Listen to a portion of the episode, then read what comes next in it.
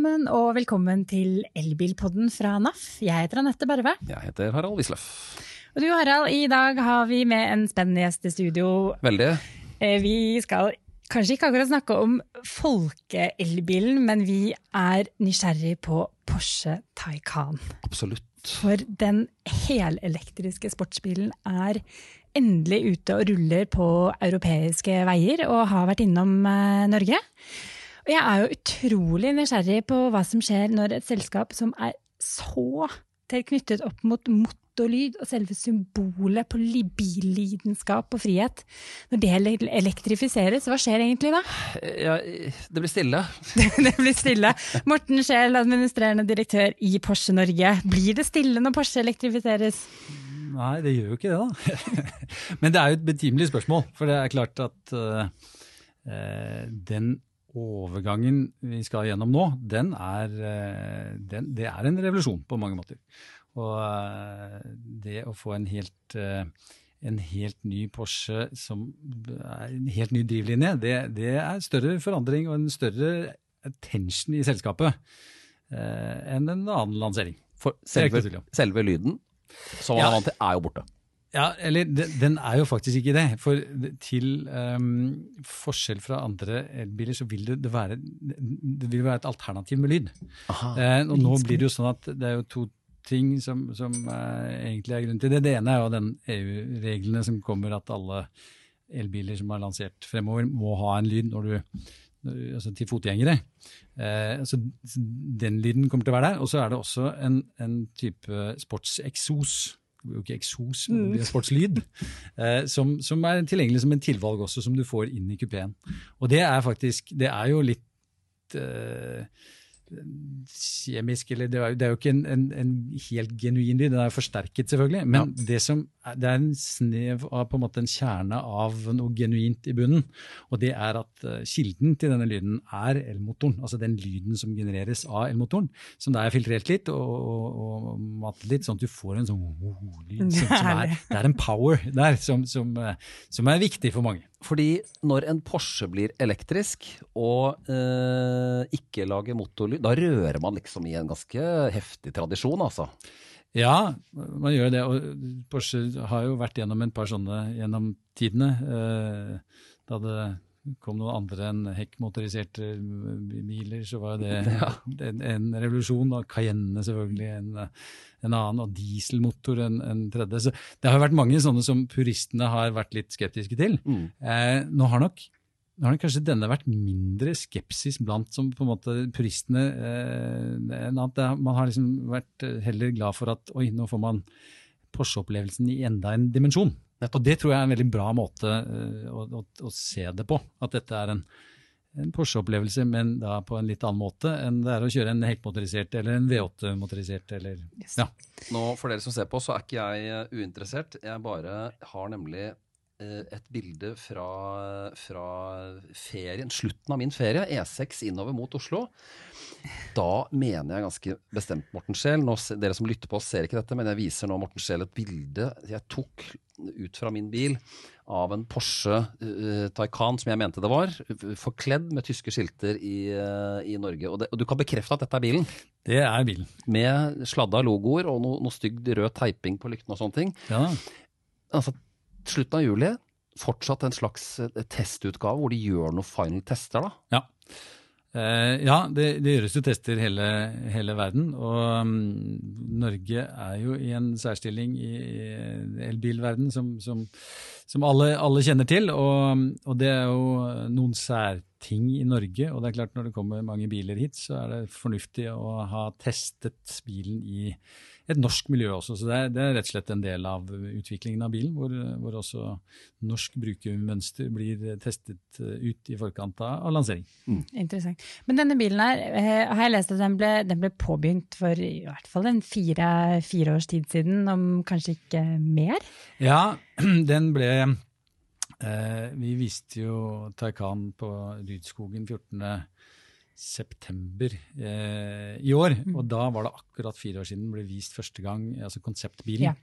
ble vist første gang. Og det, det var på eh, Frankfurt-messen eh, da for, for, fire år siden. Det var jo en konseptbil.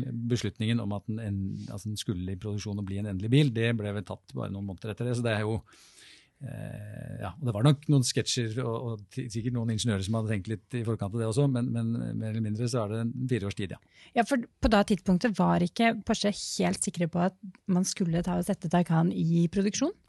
Nei, altså det, det har jo skjedd veldig mye i eh, elbil, eller bilmarkedet i forhold til drivlinjer og alternativer. og Norge har jo vært helt eh, særegent, men på jeg husker den samme altså Frankfurt-messen det året, så uttalte Ferrari at de aldri skulle lage en SUV og aldri skulle lage en elbil. Eh, og ja. Det sto jo for fall. Ja. ja. det gjorde jo det, og det føltes kanskje riktigere å være på I hvert fall fra et norsk perspektiv da, så føltes det riktigere å være på, på det laget at man, man, tør å tenke tanken eh, å få Porsche inn i en sånn verden. Eh, mm. Eller få et sånn veldig tradisjonsrikt sportsbilmerke, da, eh, som, som jo også Ferrari naturligvis er.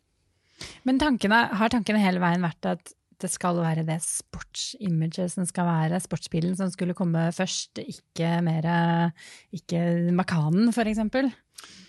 Ja, og, men at det ble akkurat Taycan og det segmentet bil var nok uh, flere grunner til. Altså En av de mm, viktigste var altså Dette er jo Det er kanskje ikke så mange som kjenner til det, men det har, har vært uh, mange rykter, og det har vært på en måte snakk om en Panamera junior. Uh, på en måte Cayenne junior ble jo Macan. Panamera junior. Uh, har det vært snakk om i, relativt lang tid, og dette er egentlig Panamera Junior. Men, og den er da i et nytt segment som man uh, finner formålstjenlig å, å, være til stede i. Og, og, og, hadde ikke elbilbølgen vært der, så hadde nok Taycan kommet uansett, men da med andre drivlinjer.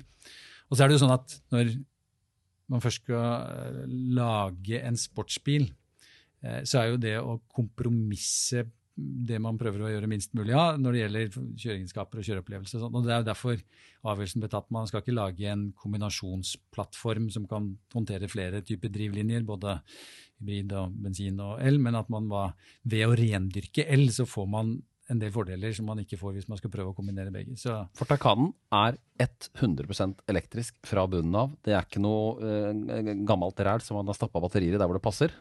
Nei, på ingen måte. Nei, Gammelt ræl, det var gammelt ræl, det, var, det var, det var frekt. Men uansett, da. 93 kWt batteripakke, eh, opp mot 450 km rekkevidde. Ja. Og en prislapp på 1,3 millioner. Ja. Det er i disse exit-tider på TV, uh, denne NRK-serien, så tenker vi at da, er dette en sånn finanstoppbil? Hvem er det som skal, uh, hvem skal kjøpe, eller la oss spørre sånn, hvem er Porsche Taycan-kunden? Ja, det er jo et veldig sammensatt eh, spørsmål. Uh, og det, for det, det, som er, det, som er, veldig spennende med det, er jo at det er jo ikke, det er jo ikke en bil som erstatter en tilsvarende annen bil. Vi har gjort ganske mye um, research på de eh, kundene som har vært på vår reservasjonsliste. Eh, det var jo 3014 av dem vi endte opp med dagen før vi liksom skrudde av den. Det var noen flere som har vært med og vært ute osv.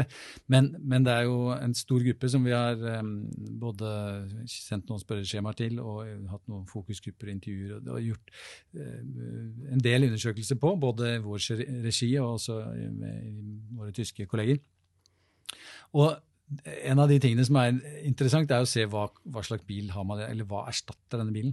Og det, det, er jo nesten umulig å finne et mønster på det. For eh, det er jo ikke sånn at man har en tilsvarende størrelse bil i dag i bensin- eller hybridutgave som man kjøper, eller som man erstatter. Det er veldig mange andre veier, eh, som, som regel. da. Det du sier er at her kan man både ha entusiasten som har spart til bilen, og han som har nok penger til å kjøpe både den og flere biler.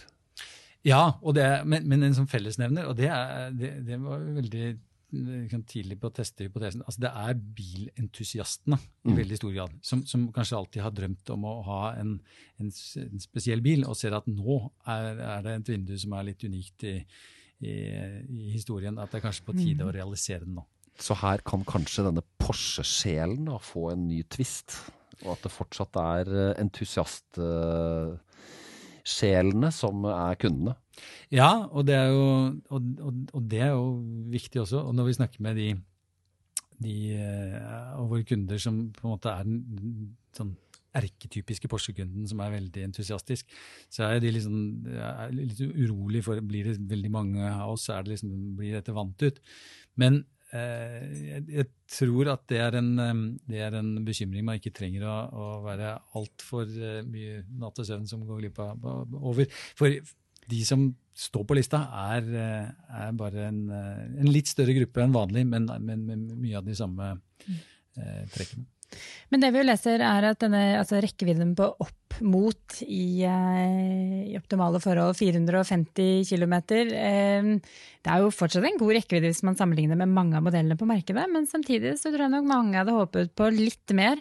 Eh, har dere måttet gjøre noen kompromisser underveis i utviklingen av bilen som gjør at dere ikke Hvorfor har dere ikke fått mer rekkevidde? Ja, det er jo et, et spørsmål. Nå, nå er nok uh, fokus vært på noen ting. Altså Porsche, når vi da skulle lansere en, en, en modell, uansett uh, hva slags drivlinje eller kategori, eller, så, så, er det noen ting vi skal være best på. Uh, og det å levere på kjøreopplevelse og kjøreegenskaper er jo kjernen i det.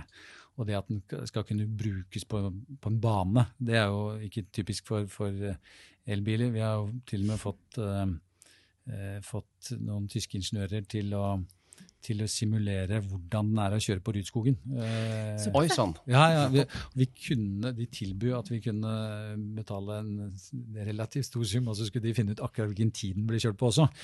Nå prioriterte vi heller å si at ja, vi kjører den, eller det er mye morsommere. så vente litt, og så får vi kjøre den selv. Så, så vi, har fått, vi, har ikke gjort den delen, men det at den, ja, denne baneprofilen er, er veldig fin for, for, å kjøre noen runder og ha en track day. Så det er jo det er jo de type egenskapene vi var veldig opptatt av å ta med videre. Og Det er liksom noen av, noe av grunnforutsetningen. Og så er jo selvfølgelig rekkevidde. Det er jo noen som sier det er tre ting som gjelder i elbil. Det er rekkevidde, rekkevidde, rekkevidde. Så det er, det er jo åpenbart at det er, det er viktig.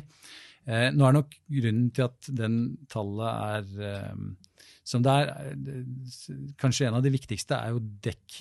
Dekk og felgstørrelse at dekkbredde er jo noe av det som stjeler rekkevidde.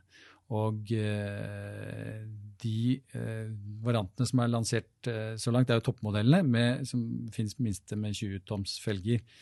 Jeg husker ikke hvor bred de er, men det er jo tre et eller annet uh, dekk bak og litt uh, smale foran. Men de er ganske ekstreme dekk, som også er um, ikke de med aller heftigst sånn lav rullemotstand. De, skal ha kjøreegenskaper. Så det er klart, der forsvinner noe, men i virkeligheten av de fleste som kjøper en elbil i Norge, velger jo litt større felger. For vi er jo verdensmestere, alle merker i Norge, til å selge mye utstyr. Og store felger er jo det mange vil ha. Eh, og da vil jo differansen, hvis du er typegodkjent med en veldig smal dekkbredde og en liten felg, så vil jo differansen mellom real life og det du faktisk står på papiret, være større for en del andre. Her har man på en måte typegodkjent med de felgene mange velger. Men det eh, som faktisk virkelig er positivt, det er jo at dere har kurert ladeangsten. Ja, og, og, og, og, der, og der er jo en av de tingene som, eh, som, vi skulle være best på. Og det er jo eh, ladehastighet. Mm. Og der blir det jo en ny eh, benchmark, og det var, eh, det var en viktig del av brifen. Og det er jo flere ting som er gjort for å få til det. 800 volt i forhold til eh, hele oppsettet av bilen, som har flere fordeler, men også ladehastighet som, som, som en av dem. Ja, for der eh, lader jo Taycan i dag med 270 kW eh, når den først finner en lader som gir den effekten. Mm. Og der er jo Ionity eh, en viktig aktør, som jo er ladenettverket til de tyske bilprodusentene. Ja. Er det viktig at eh, også bilprodusentene gikk inn på ladeinfrastruktursiden og fikk opp et ladenettverk litt på lik linje som Tesla har gjort? Ja, det er jo åpenbart viktig for, eh, for rekkevidde eller lading og bil, bilkjøring. Hvis man går litt uh, fundamentalt inn i, inn i, materien, så er jo friheten bilen gir, en vesentlig del av bilen. Uh, og en sportsbil skal jo på en måte være en, en sånn spydspiss på en sånn frihetsopplevelse. Og det er klart at det å um, ha begrensninger på hvordan du kan kjøre, eller hvordan du, å minimere det, er viktig. Og, og, sånn sett så er et ladenettverk viktig, og også ladehastigheten. At man på en måte skal prøve å komme ned til et så nærme bensinpåfyllingstype tid da, for en, for en lading. Mm. Det betyr at uh, her uh, har man jo mennesker som uh, liker at det går, går, litt fort, og er litt skyv i det. Og da er det også skyv i ladinga. Ja. Så man skal ikke vente lenger. Nå. Men det har jo altså, det har vært litt bøss med Taycan på Nürnbergring. Altså denne banen i Tyskland, som liksom er sånn der, som er må, en måleenhet på prestanda, som svenskene kaller det. Mm. Og hvor Tesla da også har vært så rappkjefta at de også har stilt opp med en bil og en prototype. Og så har det vært litt kniving, og så er det mye buzz i media, som sikkert begge har profitert på.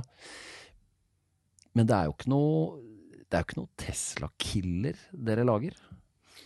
Eh, nei, altså hva, hva, hva er det, liksom? Altså det, vi, vi, lanserer jo en modell, og Tesla er en modell, de også, i et segment. Men, eh, men det, det, ble jo naturlig når, når både Tesla er eh, så etablert i elbil, og størrelsesmessig så er den jo ikke helt ulik en, en Tesla S, som er jo på en måte den som startet eh, kanskje revolusjonen eh, ordentlig i elbiler.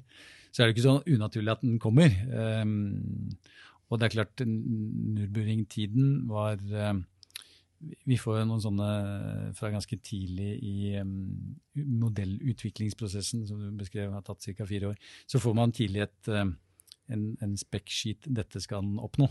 Eh, Nürburgring-tiden var en del av den første, langt før bilen ble Nettopp. designet. Så, så en, dette er en del av Porsche. Det er del, dette er en del ja. av måleenhetene før man er ferdig med bilen? Yes. Ja, nettopp.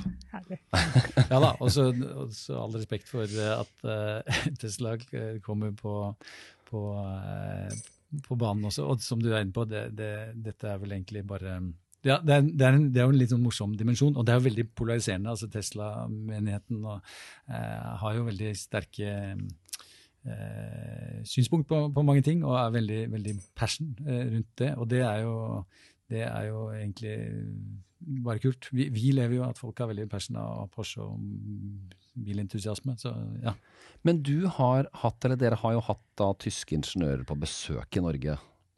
Uh, i, uh, mens de har jobbet med bilen. Liksom, hva er det de lurer på når de besøker dette merkelige elbillandet oppe i nord? Hva er, det, hva er, det, du forteller til disse tyskerne når de kommer hit uh, og har tatt av seg hvitfrakken fra laboratoriet? Ja, ja det, det, er et spørsmål. Vi har jo, mm, som veldig mange av våre kolleger i, i bransjen, hatt utallige delegasjoner. Eh, og, ja, For det er rett og slett delegasjoner som kommer til Norge? Ja, det er jo det. Og det er jo sånn at skal man sette, finne på et sted og ha et møte om uh, e-mobility, da, som vi kaller det internt hos oss, så, blir det jo i Oslo. Det er jo, Hvis en eller annen gruppe skal sette ned og finne et sted på hvor skal vi ha den, ja, vi har jo ikke vært i Norge før. For det, ikke, det, har ikke vært noen andre sessions som var naturlig å legge til Norge. Det er dyrt og langt unna og bitte lite marked. så Vi har ikke vært der før, og nå var det en god anledning til å komme dit. Så, så vi har hatt de presentasjonene mange ganger. Eh, og kanskje et av, et av de eh, tingene jeg pleide å nevne, er jo litt sånn bakgrunnen for hvordan kan man komme hit. Og da er det en historie som handler om alt fra litt sånn grønn uh, bevissthet, som, som, jo ligger der, og, og Think er jo en, en, av de viktige brikkene. Det mm. var jo egentlig, Norske Think, ja. Ja, og det var jo egentlig rammebetingelsene for å få en, en bedrift til å fungere der som, som la liksom grunnlaget for, for, dette. Og så malte man seg inn i et hjørne som man kanskje syntes var hyggelig, men man hadde likevel malt seg inn i det. Og så var det ball på seg. Hva sier de om, om, dette nå, som jo er et politisk virkemiddel for å få endret drivlinja til elektrisk på så mange, som, mange biler som mulig? Hva sier, hva sier utlendingen til dette? Hva sier tyskeren til det? Nei, altså, Skjønner de det? Ja, altså de, de, de, skjønner jo, de, skjønner jo, logikken i, i, hvorfor nordmenn kjøper elbiler, eh, når man ser uh, hvilke grunnlag. Og det er jo det er jo nesten absurd. Du sier at det er, det er litt dyrt eh, Eller noen kan synes det er dyrt å betale 1,3 eller 1,6 millioner for en Taycan Turbo eller Turbo S. I Sverige så koster jo en, en uh, Turbo S uh, ferdigutstyrt 2,7 millioner kroner, og de selger en del av dem der. Og der har de vant til et helt annet prisnivå. Så det, mm. så, sant, det er nesten. Vi hvordan går det når du kan kjøpe en GT3 og en Cayenne for samme prisen? Så, så det, er jo, uh, det, er jo, noen omstendigheter i Norge som gjør at ja, det er mange som velger elbil. Mm. Mm. Den er lett å skjønne. Ja, det er jo det. Men eh, uavhengig av hva som skjer i Norge, eller kanskje pga. det som skjer i Norge og noe andre land, så har jo nå Porsche har jo lagt en, en elektrifiseringsstrategi. Mm. Eh, som innebærer flere modeller, eh, og et eh, av det jeg har lest, et mål om at halvparten av bilene solgt i 2025 regner de med er elektrifisert på en eller annen måte. Mm. Så hva er det som nå eh, Nå har det begynt med Taycan, som koster fra 1,3 millioner. Eh, jeg har ikke råd til den, jeg har veldig lyst på den, men har ikke råd til den. Hva er, hva er neste steg? Hva kommer, og som også flere kan dra nytte av? Eller har råd til å kjøpe? Ja, altså det mm, Nå er jo vi en nisjeaktør i markedet, så, og en del av Volkswagen-gruppen selvfølgelig, som, som, jo også har en elektrifiseringsstrategi som skal, skal, nå til mange. og Det handler jo om eh, Det er jo mange faktorer til at det skjer mye på elbilfronten framover eh, i forhold til modeller. og EUs 95-gramsmål eh, er jo åpenbart et av de sterkere virkemidlene som gjør at ting skjer veldig fort fra, fra, nå av, spesielt neste år. Ja, For her er det ikke gulrot, her er det, her er det pisk på Ja, det er jo det. For å få, for å få utslippene ned. Ja, mm. og da er det jo um, mange veier til det. Og, og en av dem er jo å lansere elbiler og få det inn i produktmiksen og kunne få noen nuller i, eller noen flere å dele tallet på. Da. Men en Taycan er vel mm. mer enn en compliance car? Definitivt. Ja. Og, og, det er jo litt sånn Eh, at eh, Porsches produktstrategi er ganske tydelig nå i en periode framover, selv om eh, det nå lanseres helelektriske modeller. Og dette er den første. Det er jo allerede klart at det kommer en Cross Turismo Taycan også. Om ja, slutten av neste år, ish. Og så kommer det neste generasjon Macan. Det vil jo også være altså den minste SUV-en, vil også være kun helelektrisk. Det er samme filosofi og tanke at det blir kun én drivlinje for å ikke kompromisse for mye, og det blir kun mm. helelektrisk. Så, så, det er jo en plan, plan fremover eh, for elektrifisering som, som, innebærer det. Men i produktstrategien så ligger det også eh, hybrid, som jo vi har hatt en god stund og har vært tidlig ute og hatt en drivlinje som fungerer veldig bra. Den leverer både på kjøreopplevelse og ja, lyd og alt. Man, man, liksom, man kan få, få, bra ut av alle verdener på en måte der.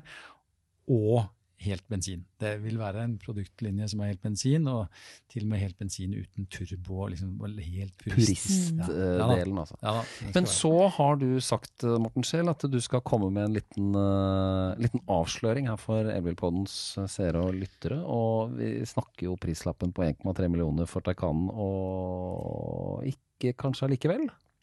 Nei, altså det er jo ikke noen um, Det har jo ikke vært en så stor hemmelighet at det kommer flere utgaver av Taikan. Nettopp. Eh, og, er vi mer konkrete nå? Ja, nå er vi, akkurat i dag så er vi jo det. For i, akkurat um, i dag så er jo en uh, Taycan 4S uh, neste uh, nivå på, på, det.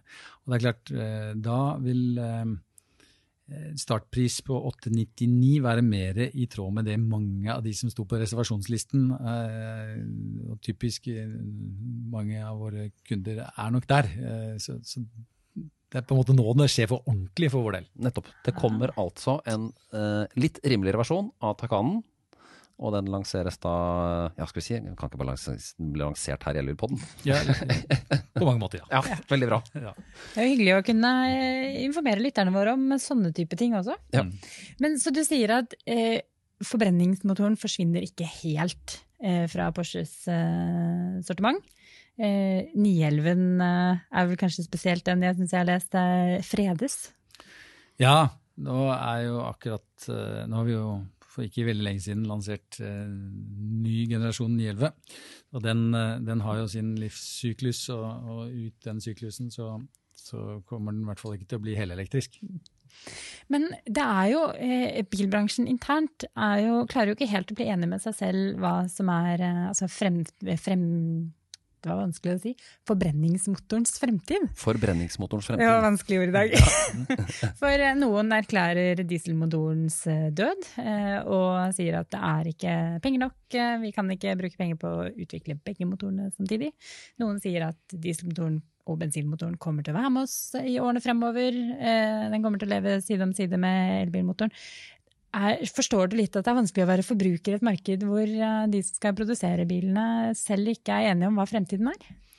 Ja, åpenbart. Eh, åpenbart. Og det er jo eh, det, det er nær sagt ingen som, som, kanskje vet helt. For det er jo mye teknologisk utvikling som eh, Det er mye forskning som foregår, og, og, plutselig breakthrough i flere områder som kan endre ting. Eh, og så er det jo et globalt, eh, globalt bilmarked. Det er jo lett for oss som har norske øyne å si at yes, nå fikk vi, fikk vi en elbil, og, og kan være, være, litt inne eh, en periode. Og har jo en uforholdsmessig boost av det i det norske markedet som ingen andre har.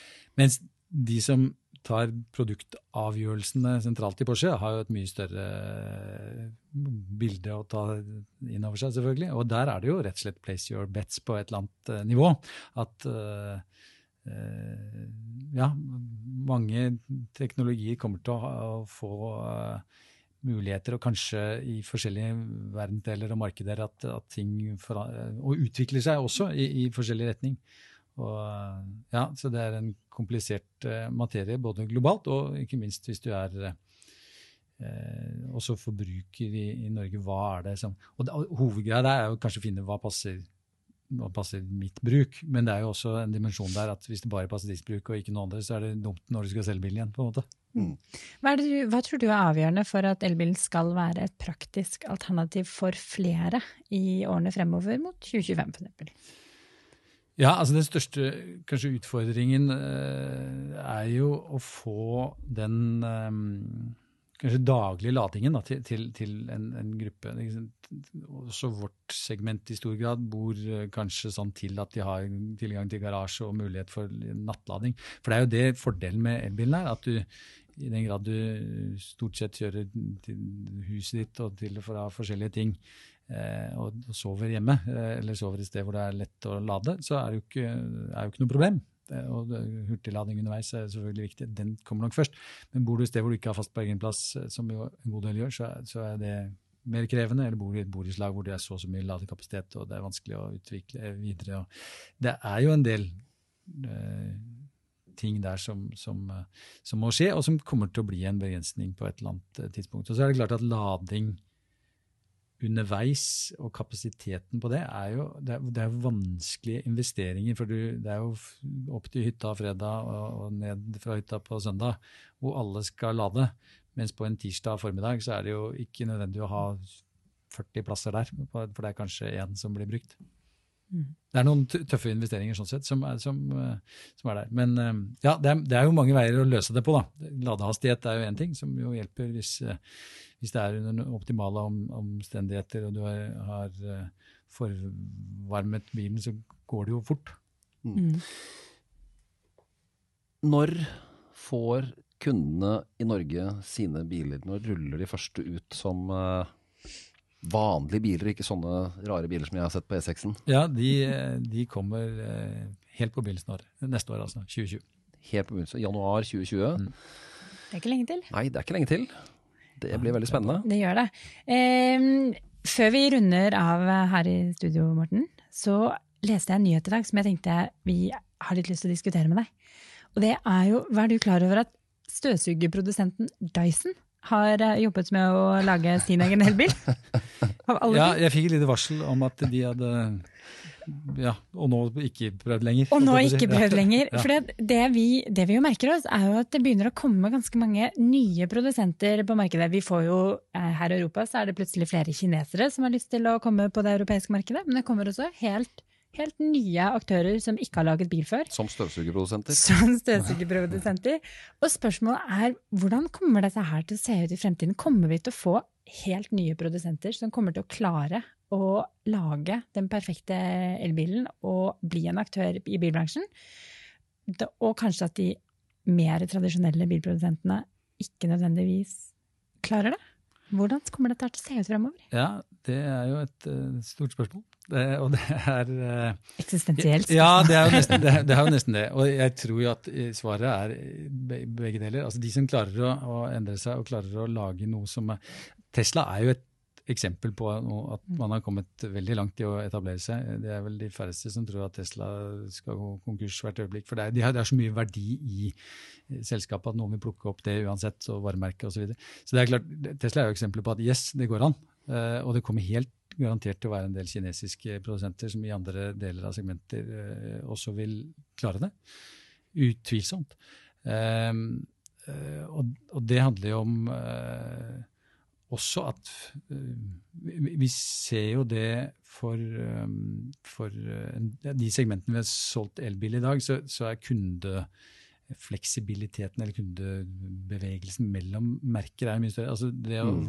vurdere en Kia Soul mot en BMW I3 Det er ikke så veldig mange andre kanskje som vurderte en Kia mot en BMW i et annet segment. da.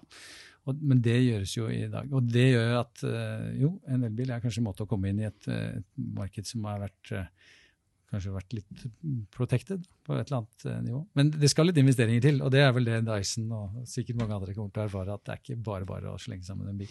Men der er vel konsernet bak Porsche forholdsvis godt skodd og har gått høyt ut med hva som gjelder fremover? Definitivt. Ja. Og, ja, og det, det, får vi satse på at uh, holder vann. Jeg regner med det. Vet du, Det var veldig spennende å høre litt hvordan Taycan ble til ja. og hva annet som kommer. Så takk for at du kom i studio til oss. Takk for at jeg fikk komme. Og vi er eh, tilbake, vi, med relevant innhold i Elbilpodden om en 14 dagers tid. Hvis du har uh, abonner, Hvis du ikke abonnerer på oss, så kan du abonnere på Elbilpodden ved å bare søke oss opp i Spotify, iTunes, Soundcloud eller en Viksmest uh, podkast-app. Uh, hvis du vil lese mer om elbil, går du inn på naf.no og der skråstrek elbil. Der finner du masse godt innhold, tips og råd og en elbilguide. Mm. Hvor uh, også Taycan skal inn, eller hvis den ikke er inn allerede. Uh, har du spørsmål, så kan du sende oss en mail på elbil.krøllalfa.naf.no, og du kan følge oss på Facebook, NAF Elbil, og på Instagram. Det eneste så, stedet vi ikke er, er Snapchat. Ja, jeg tror vi holder oss unna. Ja, jeg tror vi holder Vi ses og høres igjen om 14 dager, og ha det bra så lenge. Ha det greit.